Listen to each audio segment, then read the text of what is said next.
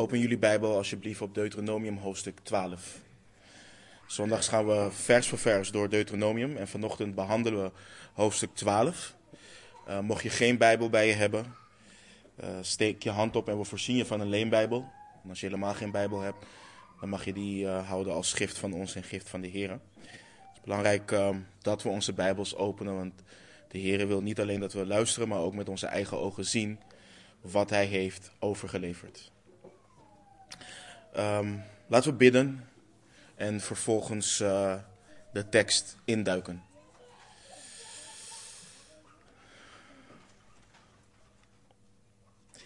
Heer, we erkennen onze nederige staat, Heer, en weten, Heer, dat we geen hoop hebben om uh, te begrijpen wat hier staat als u dat niet openbaart. Heer, uw geest die heeft deze woorden ingeblazen, Heer. En we bidden en we vragen u, Heer, dat u ons leidt, dat u onze ogen opent, opdat we mogen begrijpen, dat we mogen leven overeenkomstig uw woorden, geheiligd mogen worden. En dat we wandelen op een uh, wijze u waardig.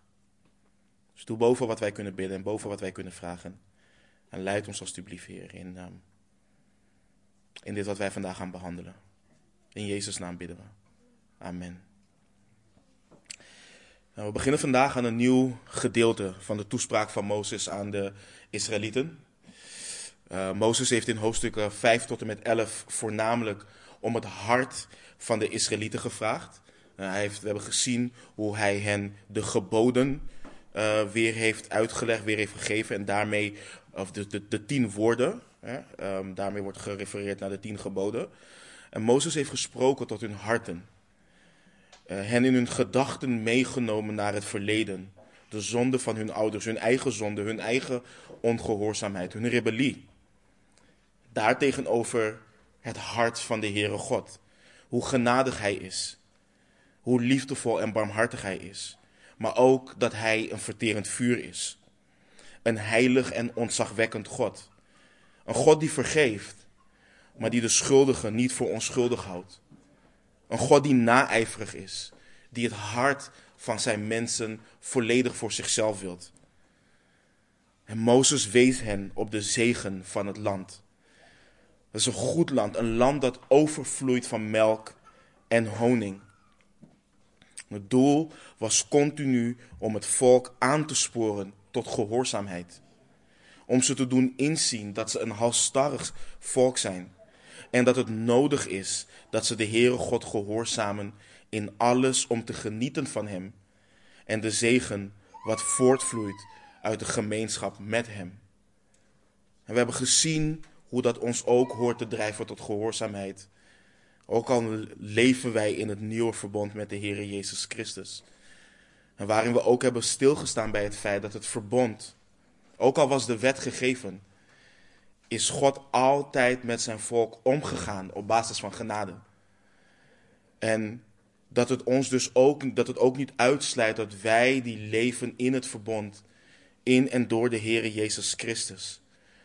Dat het niet uitsluit dat ook wij dienen te gehoorzamen. En in hoofdstukken 12 tot en met 26 lezen we vooral hoe Israël praktisch met de geboden dient om te gaan. Hoe hoort al het geestelijke tot uiting te komen in hun wandel? Maar vergis je niet, dit zijn geen willekeurige geboden die op zichzelf, sta op zichzelf staan. En ook al gaat Mozes heen en weer, wat het prachtige hiervan is, is dat het laat zien dat het woord van God ieder aspect van ons leven beslaat. Gewoon ieder aspect. En wij denken heel vaak, daar stonden we paar weken geleden op woensdag ook bij stil. Wij, wij, mensen zijn mensen van categorieën. Dus wij willen alles heel mooi in boxjes hebben en dan, oké, we tikken dit af, tikken dat af. Maar Mozes heeft het het ene moment heeft het over vrouwen en dan heeft hij het op een gegeven moment over reine en onreine dieren en dan heeft hij het op een gegeven moment over kinderen. Wat gewoon laat zien dat dit, wat we hier lezen, ook met betrekking tot de wet, het heeft gewoon betrekking op ons hele leven. En hetzelfde zien we ook gewoon terugkomen wanneer de apostelen, de discipelen, het Nieuwe Testament uiteenzetten en laten zien dat het betrekking heeft op heel ons leven. Dus hebben allen hun grondslag in de aanbidding van de Heere God overeenkomstig hij geboden heeft met de tien geboden. Wat voor ons belangrijk is om te onthouden in de toepassing is het volgende. Israël was geen democratie, was ook geen dictatuur. Israël was een theocratie. Dat houdt in dat de Heere God de heerser was, direct. Je had, later had je koningen en, en, en noem maar op, maar je had geen koningen en ministers, etc., zoals we dat hier vandaag de dag hebben. God is hier de gezagsdrager. Hij regeert, hij heeft alle macht. En zijn woord is de wet waar het land, het volk zich aan dient te houden. En dit betekent voor ons dat wat we hier lezen niet één op één over te nemen is of toe te passen is zoals het er staat. En niemand van ons gaat rond en stenigt zijn kinderen wanneer ze ongehoorzaam zijn. Dat doen wij vandaag de dag niet. Ik hoop het, dat we dat niet doen. Ehm, maar veel van wat we lezen in de wet is een voorschaduw en wijst naar de Heer Jezus Christus, die de vervulling van de wet is. Dit in acht nemend betekent niet dat wat, we in, dat wat we van hoofdstuk 12 tot en met 26 lezen, dat dat niet relevant voor ons is. Het is heel relevant.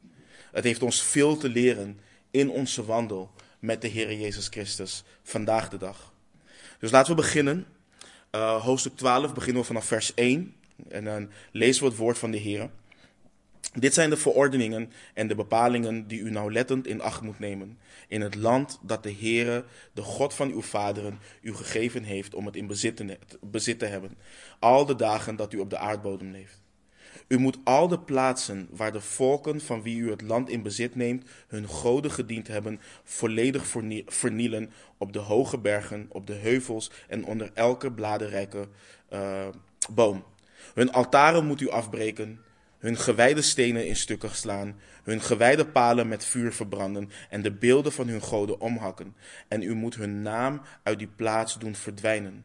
U mag tegenover de Heere uw God niet doen zoals zij. Vers 1 hebben we meerdere malen gelezen in Deuteronomium. De continue oproep om de verordeningen en bepalingen van de Heere God nauwlettend in acht te nemen. Nou, in de context van wat we vandaag behandelen is het belangrijk om te weten dat Mozes het heeft over hoe de Heere God op een manier aanbeden dient te worden wat hem behaagt. Op, die, op de manier wat God geboden heeft. En dit is in relatie tot het feit dat Israël op het punt staat het beloofde land in bezit te gaan nemen. Mozes gaat het vanaf nu vooral hebben over het leven in het beloofde land. Hoe horen Gods geboden praktisch tot uiting te komen in het leven van zijn volk in het beloofde land? Hoe dienen ze hem te aanbidden? Hoe ziet het houden van het eerste en tweede gebod er bijvoorbeeld praktisch uit? Hoe zorgen ze ervoor dat zij geen beelden gaan aanbidden of gaan maken, geen enkele afbeelding van wat boven in de hemel of beneden op de aarde of in het water onder de aarde is? Hoe zorgen ze ervoor dat ze zich niet neerbuigen voor de altaren van afgoden, terwijl ze een land in bezit gaan nemen wat vol van afgoderij is. En dat lezen we vanaf vers 2. Ze moesten de plaatsen, al de plaatsen waar de volken hun goden hebben gediend, volledig vernielen. Al de plaatsen. En deze volken um, dienden en aanbaden hun goden vaak op hoge bergen, op de heuvels en onder bladerrijke bomen. En zij dachten dat als ze hoog op de bergen of heuvels waren, dat ze dichter bij hun goden waren. En je had ook specifieke goden voor specifieke bergen en of heuvels. En veel van hun aanbidding en dienstbetoon aan hun goden was ook gekoppeld aan vruchtbaarheid. Vandaar dus ook de bladerrijke bomen. De moedergodin bijvoorbeeld van Canaan was Asherah. Een van haar symbolen werd ook wel de heilige levensboom genoemd of simpelweg palen. En veel van deze vorm van aanbidding, vooral met betrekking tot bomen en palen, vindt vandaag de dag bijvoorbeeld nog steeds plaats in, in landen als India. Daar gebeurt dit nog steeds heel veel. Nou, Israël moest dit alles vernietigen.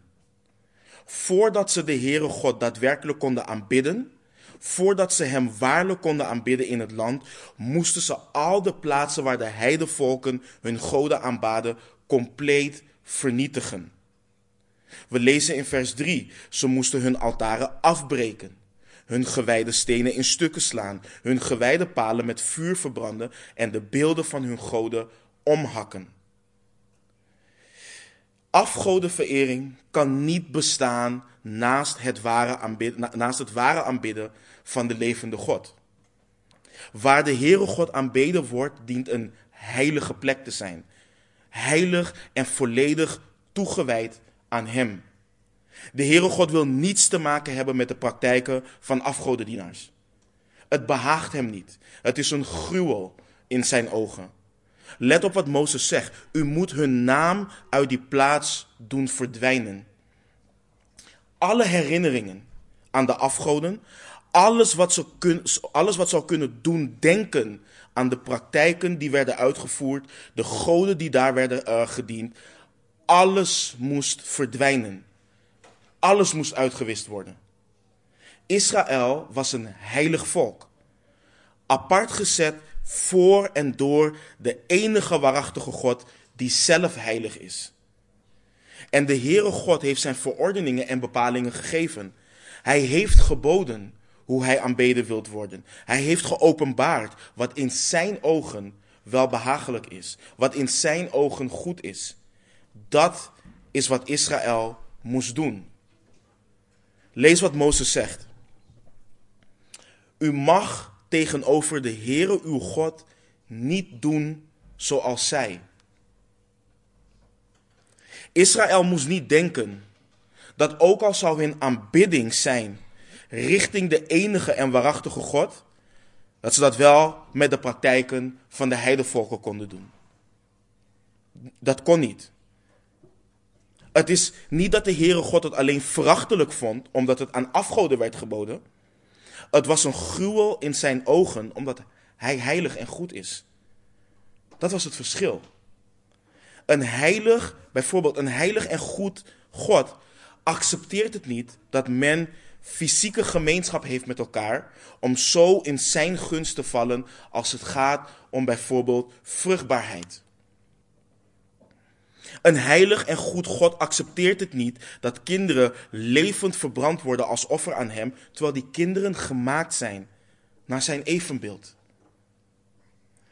Een heilig en goed God accepteert het niet dat bomen, stenen, sterren, etc. aanbeden worden, terwijl Hij de schepper is. En Hij alleen het waard is te ontvangen de heerlijkheid, de eer en de kracht.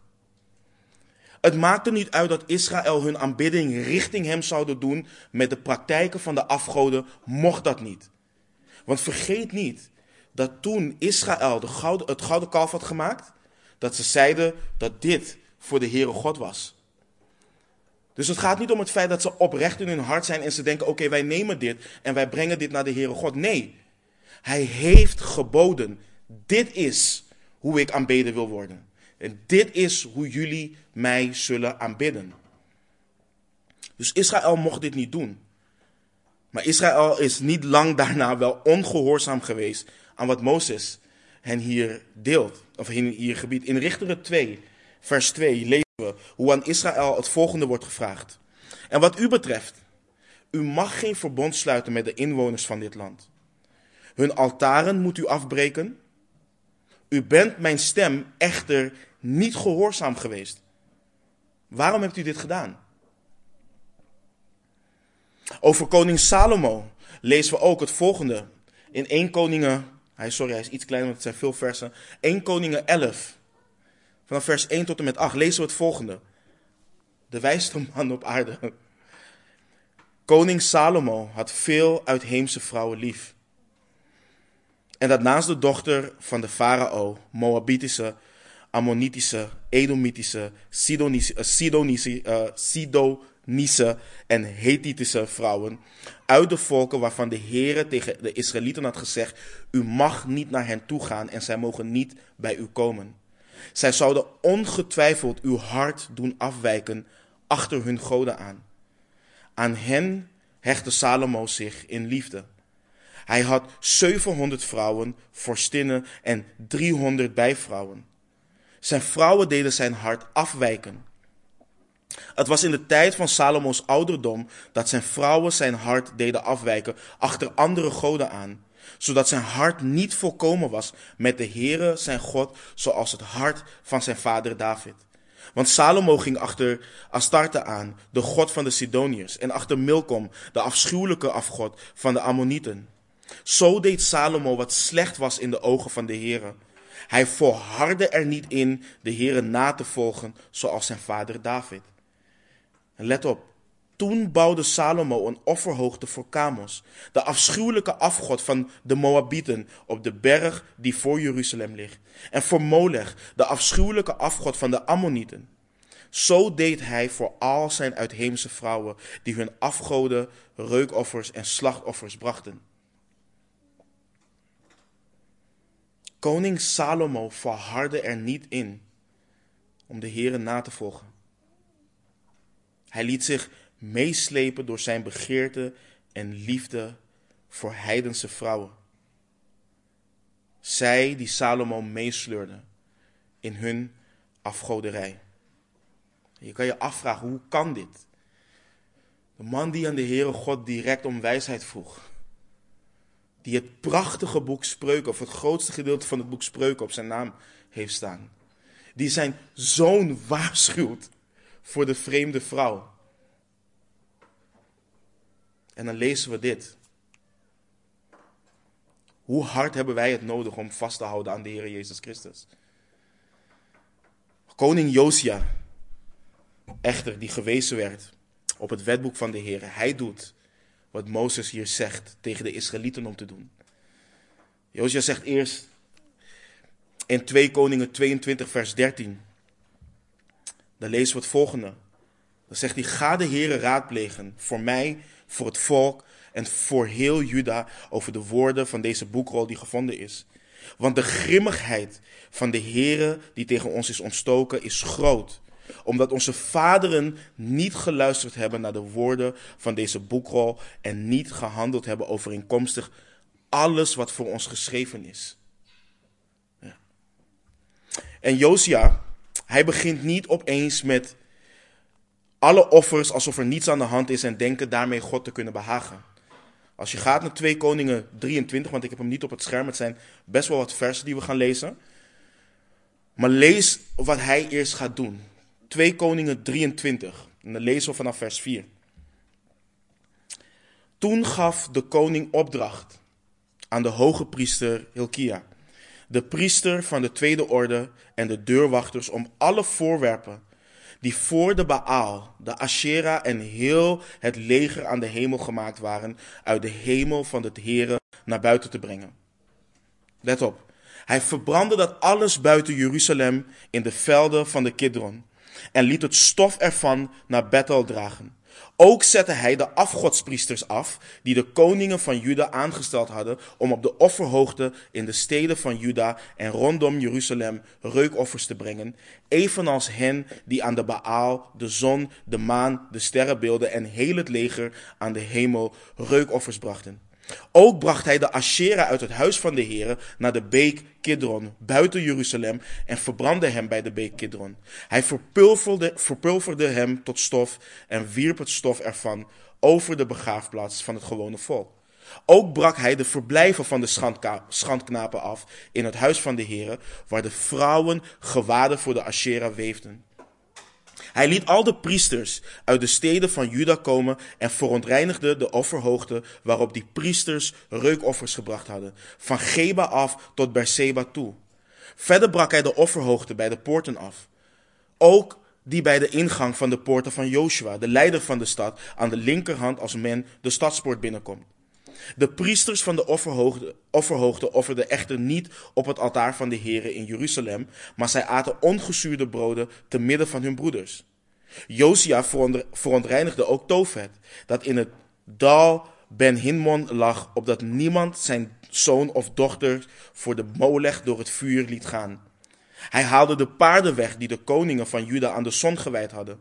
Van de ingang van het huis van de Here tot de kamer van Nathan Melech, de hoveling die zich in de bijgebouwen bevond, en de zonnewagens verbrandde hij met vuur. Ook de altaren die op het dak van het boventrek van Agas waren, die de koning van Juda gemaakt, had, gemaakt hadden. En de altaren die Manasse in de twee voorhoven van het huis van de Heere gemaakt had, brak de koning af. Hij voerde ze vandaar af en wierp het stof, stof ervan in de beek Kidron. Ook de offerhoogten die tegenover Jeruzalem lagen, die rechts van de berg van het verderf lagen, die Salomo, de koning van Israël, voor Astarte, de afschuwelijke afgod van de Sidoniërs, en voor Kamos, de afschuwelijke afgod van Moab, en voor Milkom, de gruwel van de Ammonieten gebouwd had, verontreinigde de koning. Hij brak eveneens de gewijde stenen in stukken en hakte de gewijde palen om en vulde hun plaats op met mensenbeenderen. En ook het altaar dat in Bethel stond. En de offerhoogte die Jerobeam, de zoon van Nebat, die Israël deed zondigen gemaakt had. Ook dat altaar en die offerhoogte brak hij af. Ja, hij verbrandde de offerhoogte, verpulverde die tot stof en verbrandde de gewijde paal. Toen Josia zich omkeerde en de graven zag die daar op de berg waren, stuurde hij boden en liet de beenderen uit de graven halen. Vervolgens verbrandde hij ze op dat altaar en verontreinigde dat. Overeenkomstig het woord van de Heere dat de man Gods verkondigd had, die deze woorden verkondigde. Verder zei hij, wat is dat voor een grafteken dat ik zie? De mannen van de stad zeiden tegen hem: Het is het graf van de man Gods die uit Juda kwam, en deze dingen die u met dit altaar van Bethel gedaan hebt, aangekondigd heeft. Hij zei: Laat hem liggen, laat niemand zijn beenderen aanraken. Dus lieten zij zijn beenderen onaangeroerd, evenals de beenderen van de profeet die uit Samaria gekomen was. Bovendien verwijderde Josia al de huizen van de offerhoogte die in de steden van Samaria waren, die de koningen van Israël gemaakt hadden om de heren tot toorn te verwekken. Hij deed er hetzelfde mee als hij in Bethel gedaan had. Al de priesters van de offerhoogte die daar waren, slachtte hij af op de altaren en verbrandde er mensenbeenderen op. Daarna keerde hij terug naar Jeruzalem. Lees in vers 24 van het hoofdstuk.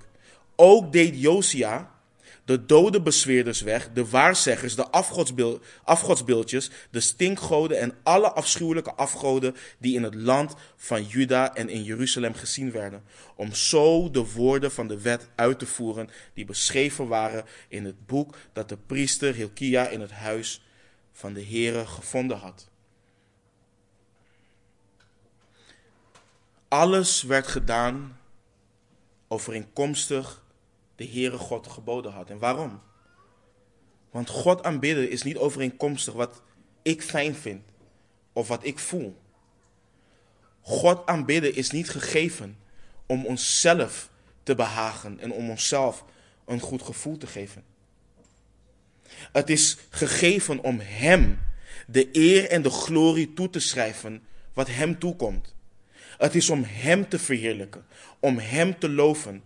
En hoe zou een volk met een onbesneden hart de levende God, de God die niets nodig heeft, kunnen behagen met de werken van hun eigen handen? Hoe zouden ze dat kunnen doen? Hoe zouden wij dat kunnen doen? Dus Israël mocht niet doen zoals de heidevolken. Maar wat, moest, wat moesten ze wel doen dan? Vanaf vers 5 lezen we. Maar naar de plaats die de Heere uw God u uit, uit al uw stammen zal uitkiezen om zijn naam daar te vestigen, naar zijn woning moet u vragen en daarheen komen. Daarheen moet u, uw moet u uw brandoffers brengen, uw slachtoffers, uw tiende, de hefoffers van uw hand, uw gelofteoffers, uw vrijwillige gaven en de eerstgeborenen van uw runderen en van uw kleinvee. En daar moet u voor het aangezicht van de, van de Heere uw God eten en u verblijden. U en uw gezinnen over alles wat u ter hand genomen hebt en waarin de Heere uw God u gezegend heeft. U mag niet doen zoals al wat wij hier heden doen Iedereen doet wat juist is in eigen ogen, in eigen oog. Want u bent tot nu toe nog niet gekomen in de rust en in het erfelijk bezit dat de Heere uw God u geven zal. Dus Israël moest vragen naar de plaats die de Heere uit al hun stammen zou uitkiezen om daar, zijn, om daar zijn naam te vestigen. Hier in dit hoofdstuk lezen we niet wat de plaats is, maar daar diende Israël te aanbidden. Daar dienden zij hun offers te brengen. Daar dienden zij de Heere God te loven en te prijzen.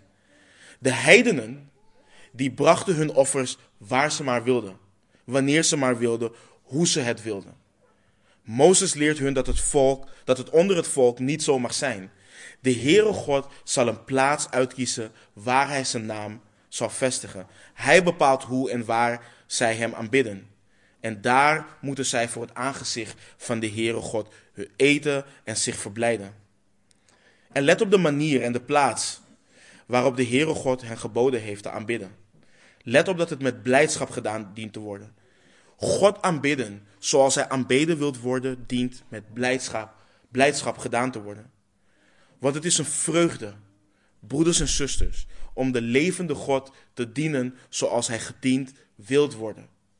Het is vreugdevol om tot Hem te naderen, wetend dat het Hem wel behagelijk is, omdat Hij het zo geboden heeft. Ook zo dienen wij te naderen tot de Heere God met blijdschap. Ook zo dienen wij door geloof in de Zoon, de Vader in geest en waarheid, te aanbidden met vreugde en blijdschap. En daarom kan de apostel Paulus ook schrijven in Filippenzen 4, vers 4. Verblijd u altijd in de Heere. Ik zeg het opnieuw. Verblijd u. Wat een vreugde. Wat een bemoediging. Kijk, wij, wij zitten niet vast aan een plaats zoals de Israëlieten dat hadden met de tempel. Wij hebben niet te maken met een plaats wat heiliger is dan een andere plaats zoals zij dat hadden. Wij zijn door geloof in de Heere Jezus verzoend met de levende God. We hebben vrede met God. En wij hoeven geen pelgrimreis af te leggen naar Jeruzalem om de Heere God waarlijk te kunnen dienen. Wij hoeven niet naar een tempel, we hoeven niet naar een specifiek gebouw. Wij hebben eeuwige gemeenschap met de levende God door het werk wat Hij heeft gedaan. Wij kunnen ons leven, ons lichaam 24-7 aan Hem wijden als een levend offer, heilig en voor Hem welbehagelijk. Wij hebben een zalige hoop een vooruitzicht, een zekerheid, niet door onze eigen werken, maar door wat Hij gedaan heeft. Wij kennen Hem. Wij kennen Hem door wie alle dingen zijn geschapen die in de hemelen en die op de aarde zijn, die zichtbaar en die onzichtbaar zijn, tronen, heerschappijen, overheden of machten. Wij kennen Hem die het beeld van de onzichtbare God is. Wij weten hoe Hij aanbeden wilt worden. En in en door onze gehoorzaamheid aan onze Heer Jezus Christus doen we dat ook. Dan geven we ook gehoor aan het gebod om Hem lief te hebben met heel ons hart, heel ons ziel, heel ons kracht en heel ons verstand. We geven gehoor aan het gebod om onze naaste lief te hebben als onszelf. Dat doen we door in Hem te zijn en in Hem te blijven. Verblijd u altijd in de Heer. Ik zeg het u opnieuw. Verblijd u. Aanbidding dient in vreugde gedaan te worden.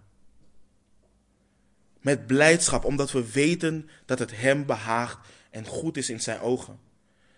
Daarom zegt Mozes ook in vers 8: U mag niet doen zoals al wat wij hier heden doen. Ieder doet wat juist is in eigen ogen. Want u bent tot nu toe nog niet gekomen in de rust en in het erfelijk bezit dat de Heere uw God u geven zal. Israël aanbad de Heere God zoals zij dat zelf goed achten. Ieder gezin deed wat ze zelf goed vonden. En Mozes leert, wanneer we in het land komen, dan kun je niet blijven doen wat we hier deden.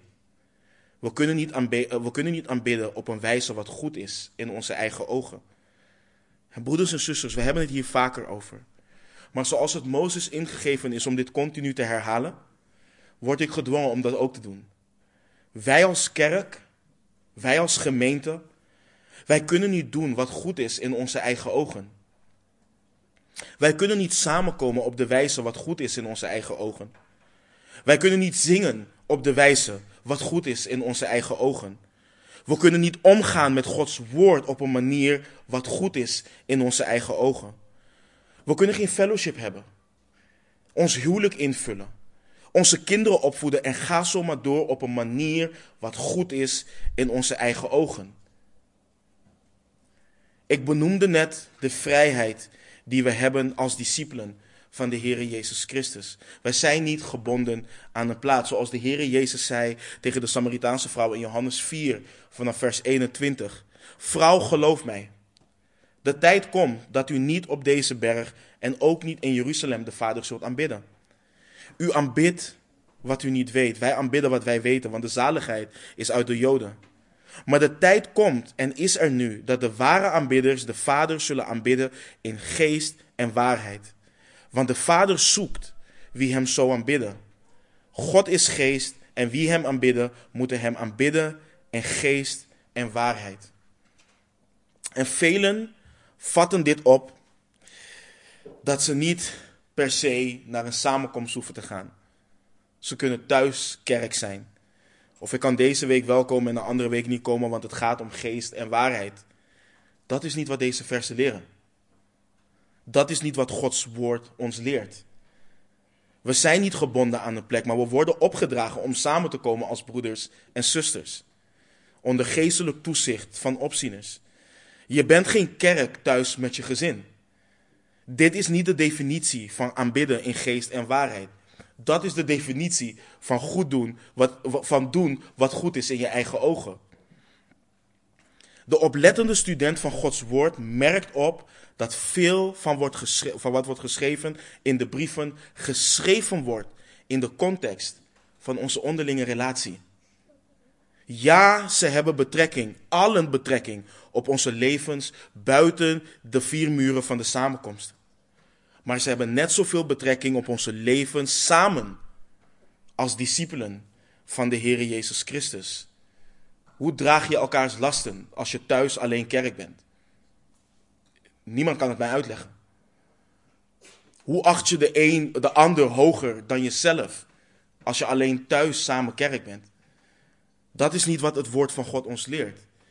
En veel wordt tegenwoordig gedaan op gevoel, gericht op de persoon, gericht op wat men fijn acht.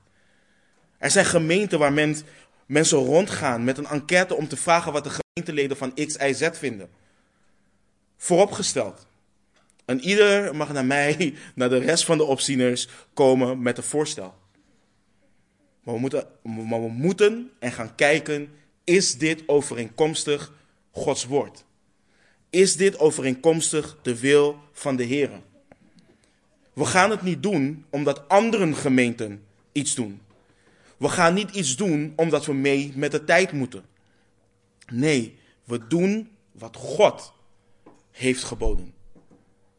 En als er iets is wat overeenkomstig Gods woord is, maar ik vind het niet fijn, dan moet ik me daar in alle nederigheid van bekeren.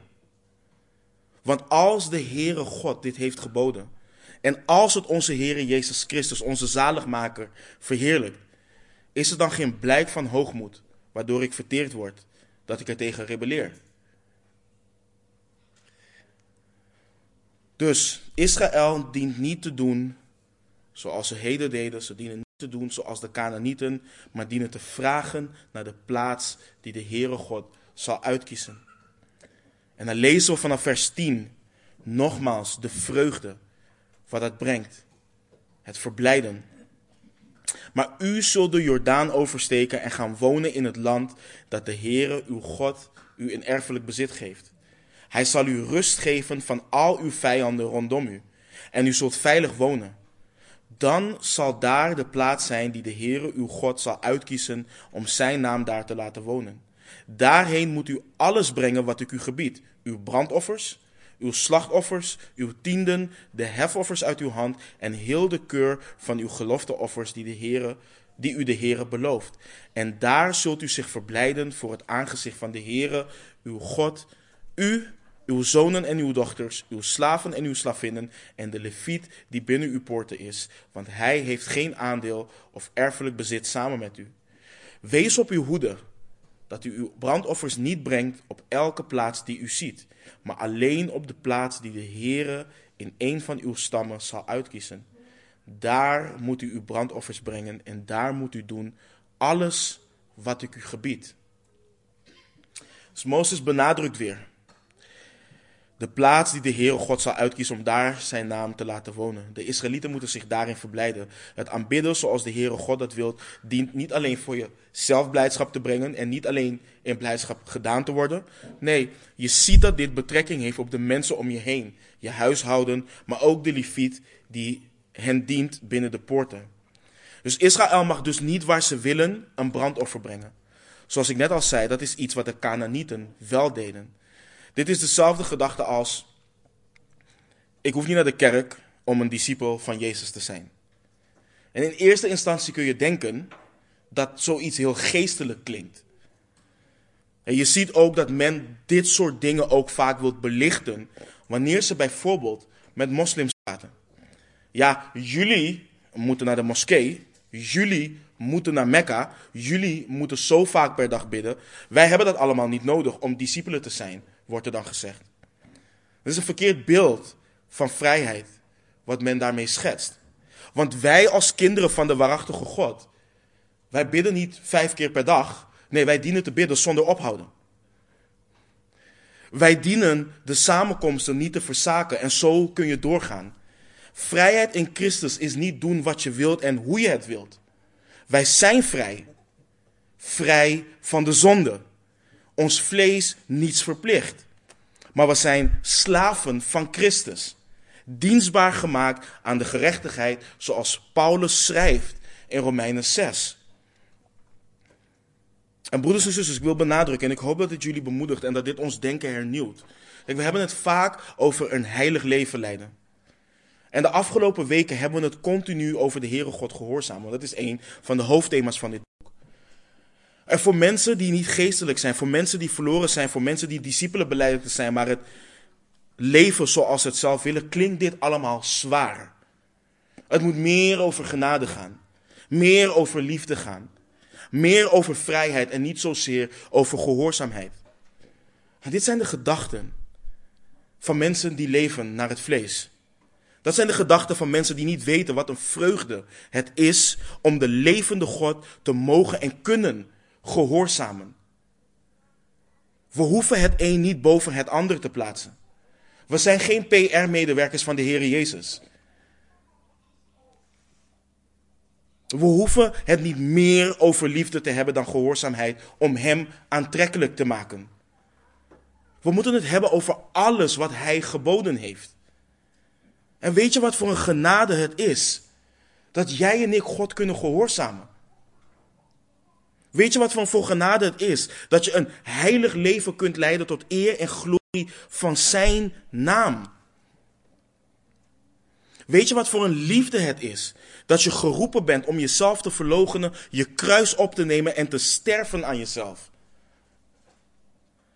En weet je wat voor vrijheid het is om te weten dat je gestorven bent met Christus en dat jij niet meer leeft, maar dat Christus in je leeft. Dat voor zover je leeft in het vlees, je leeft door het geloof in de Zoon van God die jou heeft liefgehad en zichzelf voor jou heeft overgegeven. Weet je wat voor vrijheid dat is?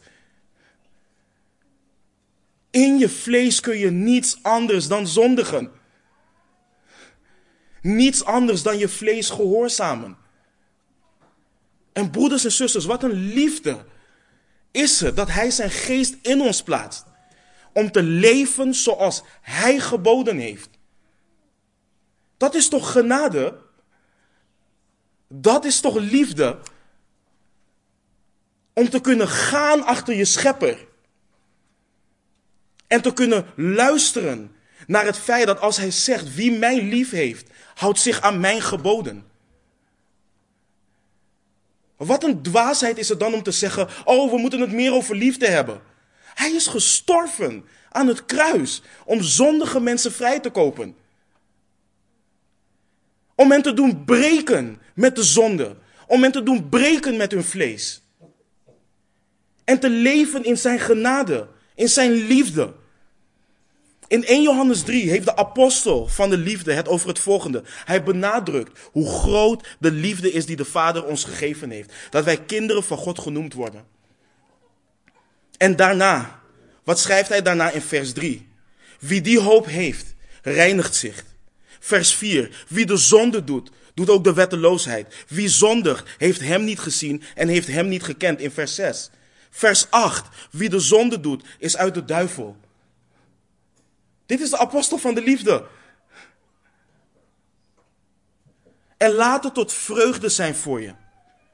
Dat de Heere God ons geboden heeft gegeven. Dat Hij ons niet als wezen heeft achtergelaten om zelf uit te zoeken, oké, hoe kunnen we leven op een wijze wat Hem wel gevallig is. Laat het je tot blijdschap zijn dat Hij ons leert, dat Hij ons een voorbeeld heeft nagelaten.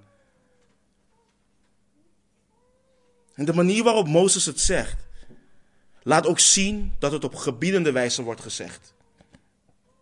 Het verblijden was een gebod. U zult zich verblijden. En dat was het voor de Israëlieten. En laat het voor ons dat meer zijn nu we Hem door Christus, onze Verlosser, kunnen aanbidden in geest en waarheid. Vanaf vers 15 tot en met 28 laten we dat lezen. Mozes, gaat Mozes de nadruk leggen op hoe om te gaan met het slachten van dieren. En hoe dat niet hoort te zijn overeenkomstig de gebruiken van de Canaanieten. Mozes gaat verder. Hij zegt: Wel mag u naar het volle verlangen van uw ziel binnen al uw poorten slachten en vlees eten, overeenkomstig de zegen van de Heere, uw God, die hij u geeft.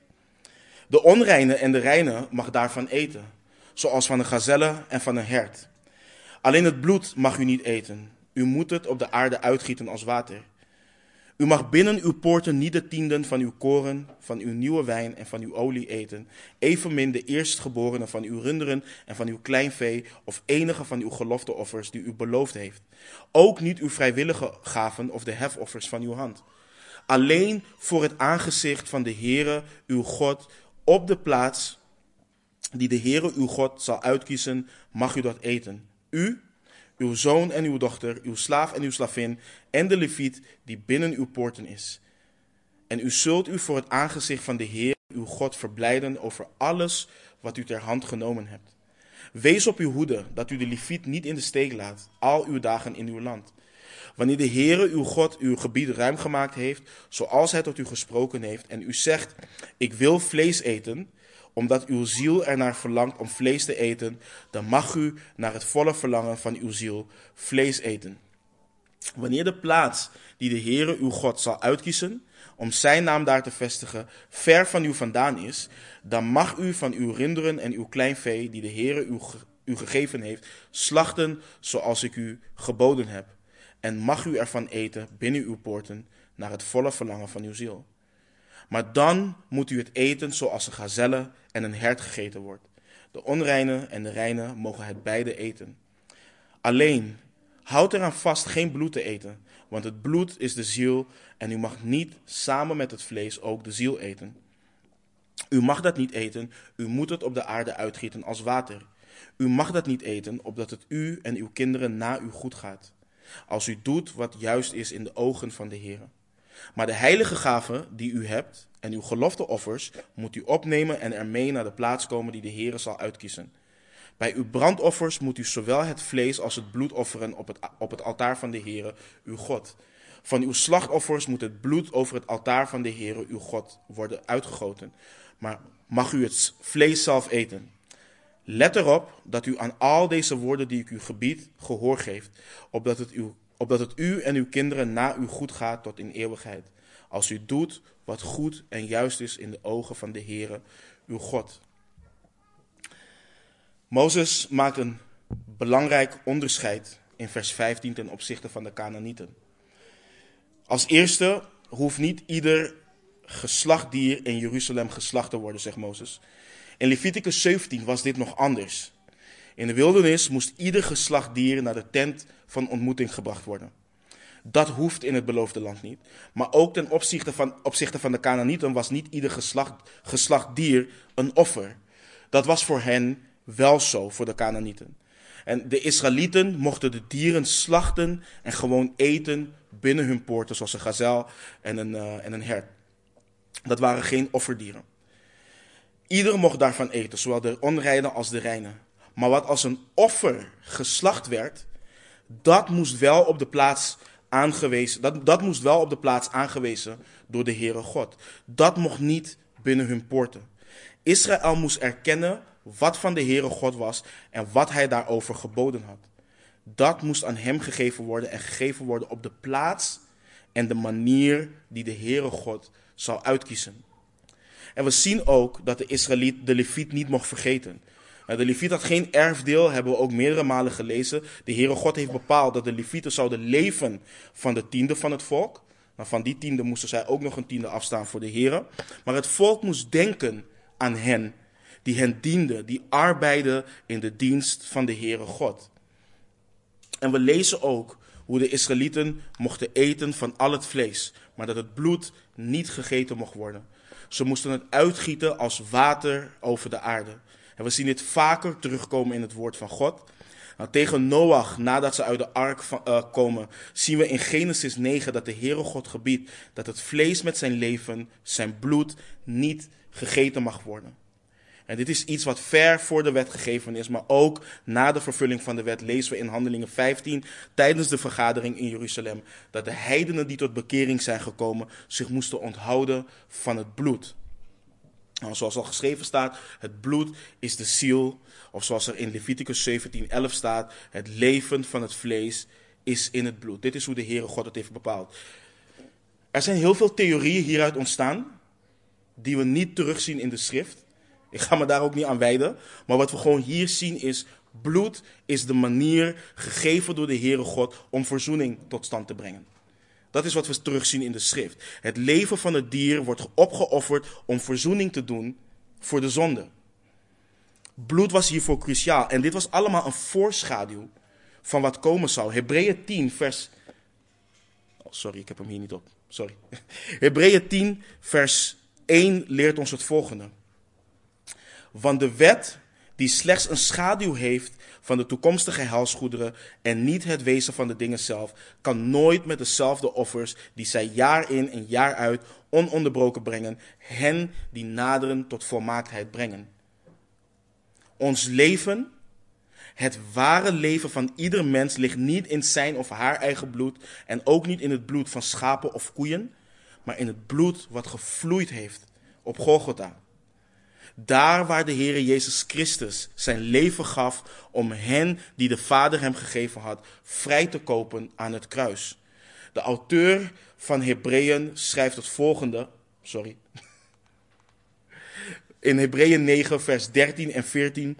Want als het bloed van stieren en bokken en de as van de jonge koe op de verontreinigde gesprenkeld hen heilig tot reinheid van het vlees, hoeveel te meer zal het bloed van Christus, die door, het, die door de eeuwige geest zichzelf smetteloos aan God geofferd heeft, uw geweten reinigen van de dode werken om de levende God te dienen. Er is geen hoop, er is geen leven voor een persoon als hij of zij niet wordt schoongewassen met het bloed van het lam. Niemand kan vrijgekocht worden als slaaf van de zonde en ontsnappen aan de komende toorn van God als zij niet vrijgekocht worden met het kostbare bloed van Jezus Christus. Niets of niemand anders zal je redden anders dan Jezus Christus. En twee keer roept Mozes op om te doen wat goed is in Gods ogen, opdat het hen en hun kinderen na hen goed gaat. En ook zo dienen wij te wandelen op een wijze tot eer en glorie van de Heer Jezus, opdat onze kinderen ook zullen leren en opdat het hen ook goed zal gaan.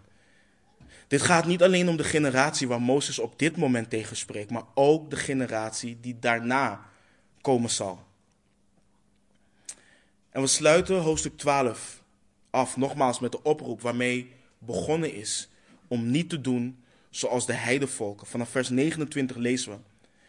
Wanneer de Heere, uw God, de volken waar u naartoe gaat, om die uit hun bezit te verdrijven, van voor uw ogen uitroeit, en u hen verdreven hebt en hen in hun land bent gaan en in hun land bent gaan wonen, wees dan op uw hoede dat u niet, nadat zij van voor uw ogen weggevaagd zijn, in dezelfde valstrik komt en dat u niet vraagt naar hun goden door te zeggen, zoals deze volken hun goden gediend hebben, zo zal ik het ook doen.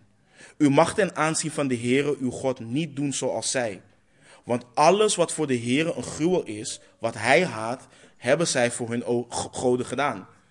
Zij hebben voor hun goden immers zelfs hun zonen en hun dochters met vuur verbrand.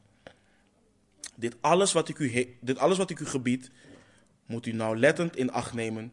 U mag er niets aan toevoegen en er ook niets van afdoen. Omdat ik net in het begin al heb stilgestaan bij wat Israël diende te doen en ze niet diende te doen, wil ik stilstaan bij de toepassing voor ons in dit gedeelte, want dat heb ik in de eerste verse niet gedaan. Let ook nog op wat Mozes zegt. Wees dan op uw hoede, dat u niet nadat zij van voor uw ogen weggevaagd zijn, in dezelfde valstrik komt en dat u niet vraagt naar hun goden door te zeggen, zoals deze volken hun goden gediend hebben, zo zal ik het ook doen. Let op dat Israël niet eens moet vragen naar die praktijken. Israël moet zich niet, bezig, moet zich niet bezighouden met het kwaad. Wij dienen dat ook niet te doen. Wij moeten iedere vorm, iedere vorm van aanbidding, wat niet overeenkomt, of overeenkomt met Gods woord, verbannen uit onze samenkomsten. Alles. Het mag geen ingang hebben bij ons. Thuis niet en ook niet als gemeente wanneer we samenkomen. We dienen niet te doen wat de afgodendienaars deden. Kan je niet zeggen in hoeveel gemeenten mensen doen wat hun goed acht, wat ze fijn vinden, waarvan ze denken, dit is ingegeven door de Heilige Geest. Mensen lopen te schilderen in kerken en al dat soort dingen. We horen ons daar niet mee bezig te houden.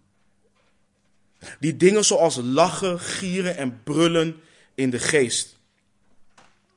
Deze dingen zijn normaal in Oosterse godenverering en zijn ouder dan wij denken. En ik kan jullie niet vertellen hoeveel van de New Age de kerk is ingeslopen. En die naam New Age is misleidend, want er is helemaal niets nieuws aan.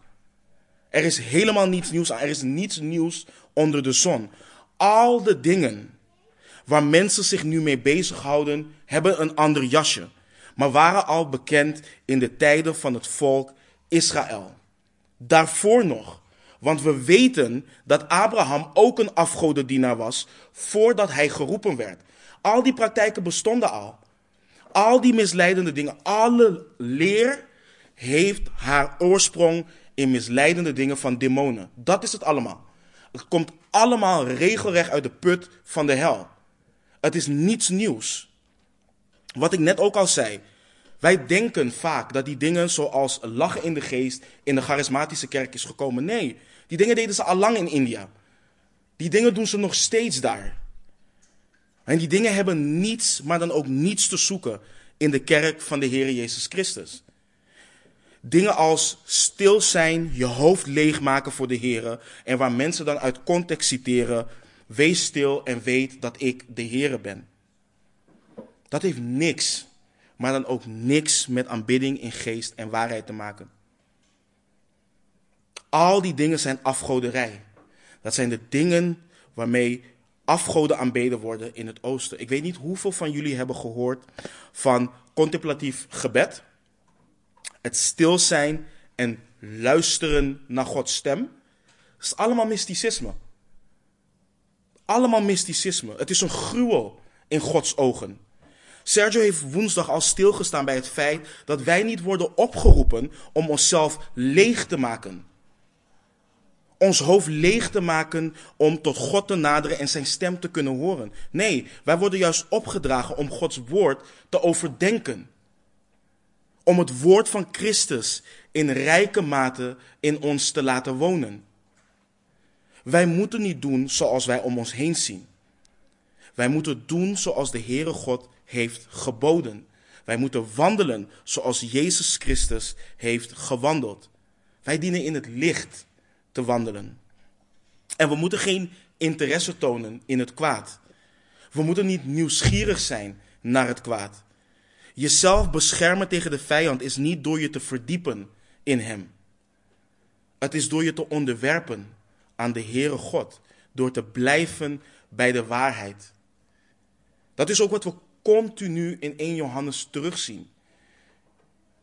Johannes heeft het over wat de mensen denken, over wat zij doen, maar jullie, blijf bij wat jullie hebben gehoord vanaf het begin.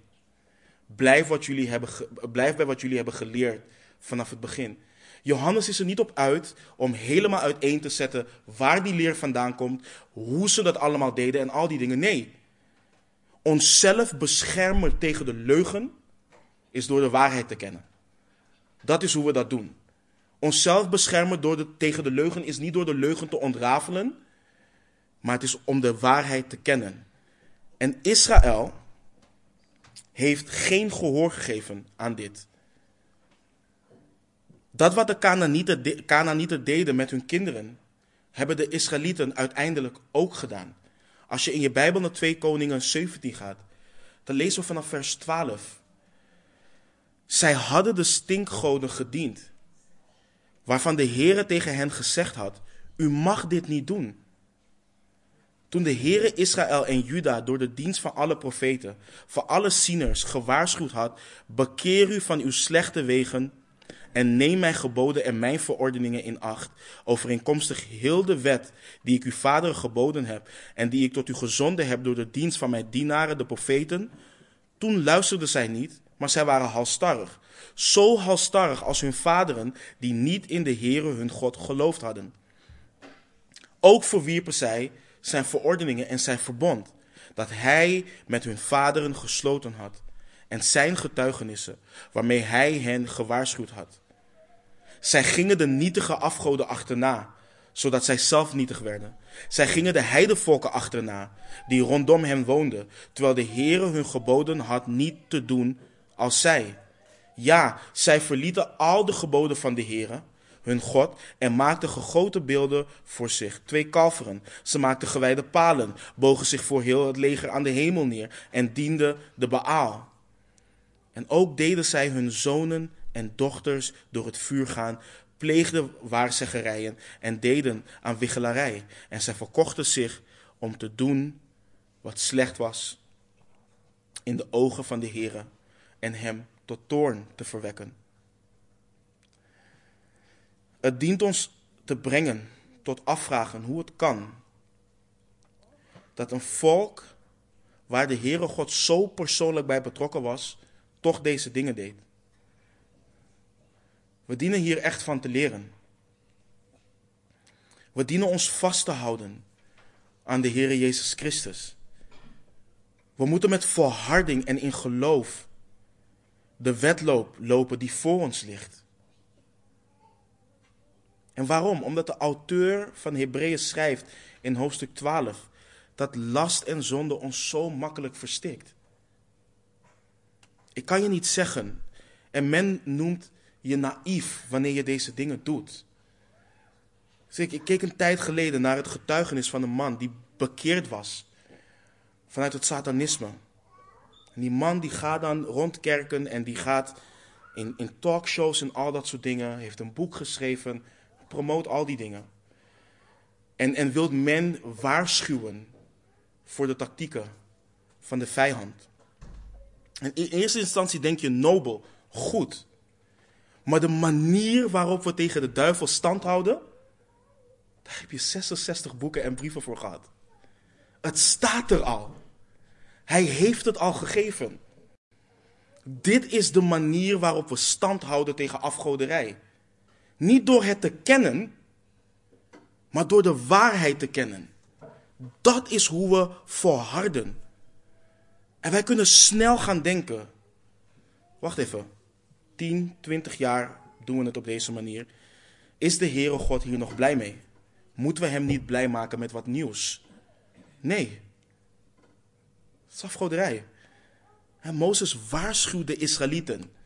En daarmee ook ons hoe we onszelf beschermen tegen een valse vorm van aanbidding en hoe we de Heere God daadwerkelijk aanbidden in geest en waarheid. Door in geloof in zijn Zoon ons te houden aan zijn geboden. Door ons te houden aan de eenvoud die er is in onze Heer Jezus Christus. de mogelijkheid, de prachtige, de prachtige mogelijkheid om God te aanbidden in geest en waarheid. Er is eenvoud in Christus. En laten we Hem op die manier navolgen. Laten we bidden.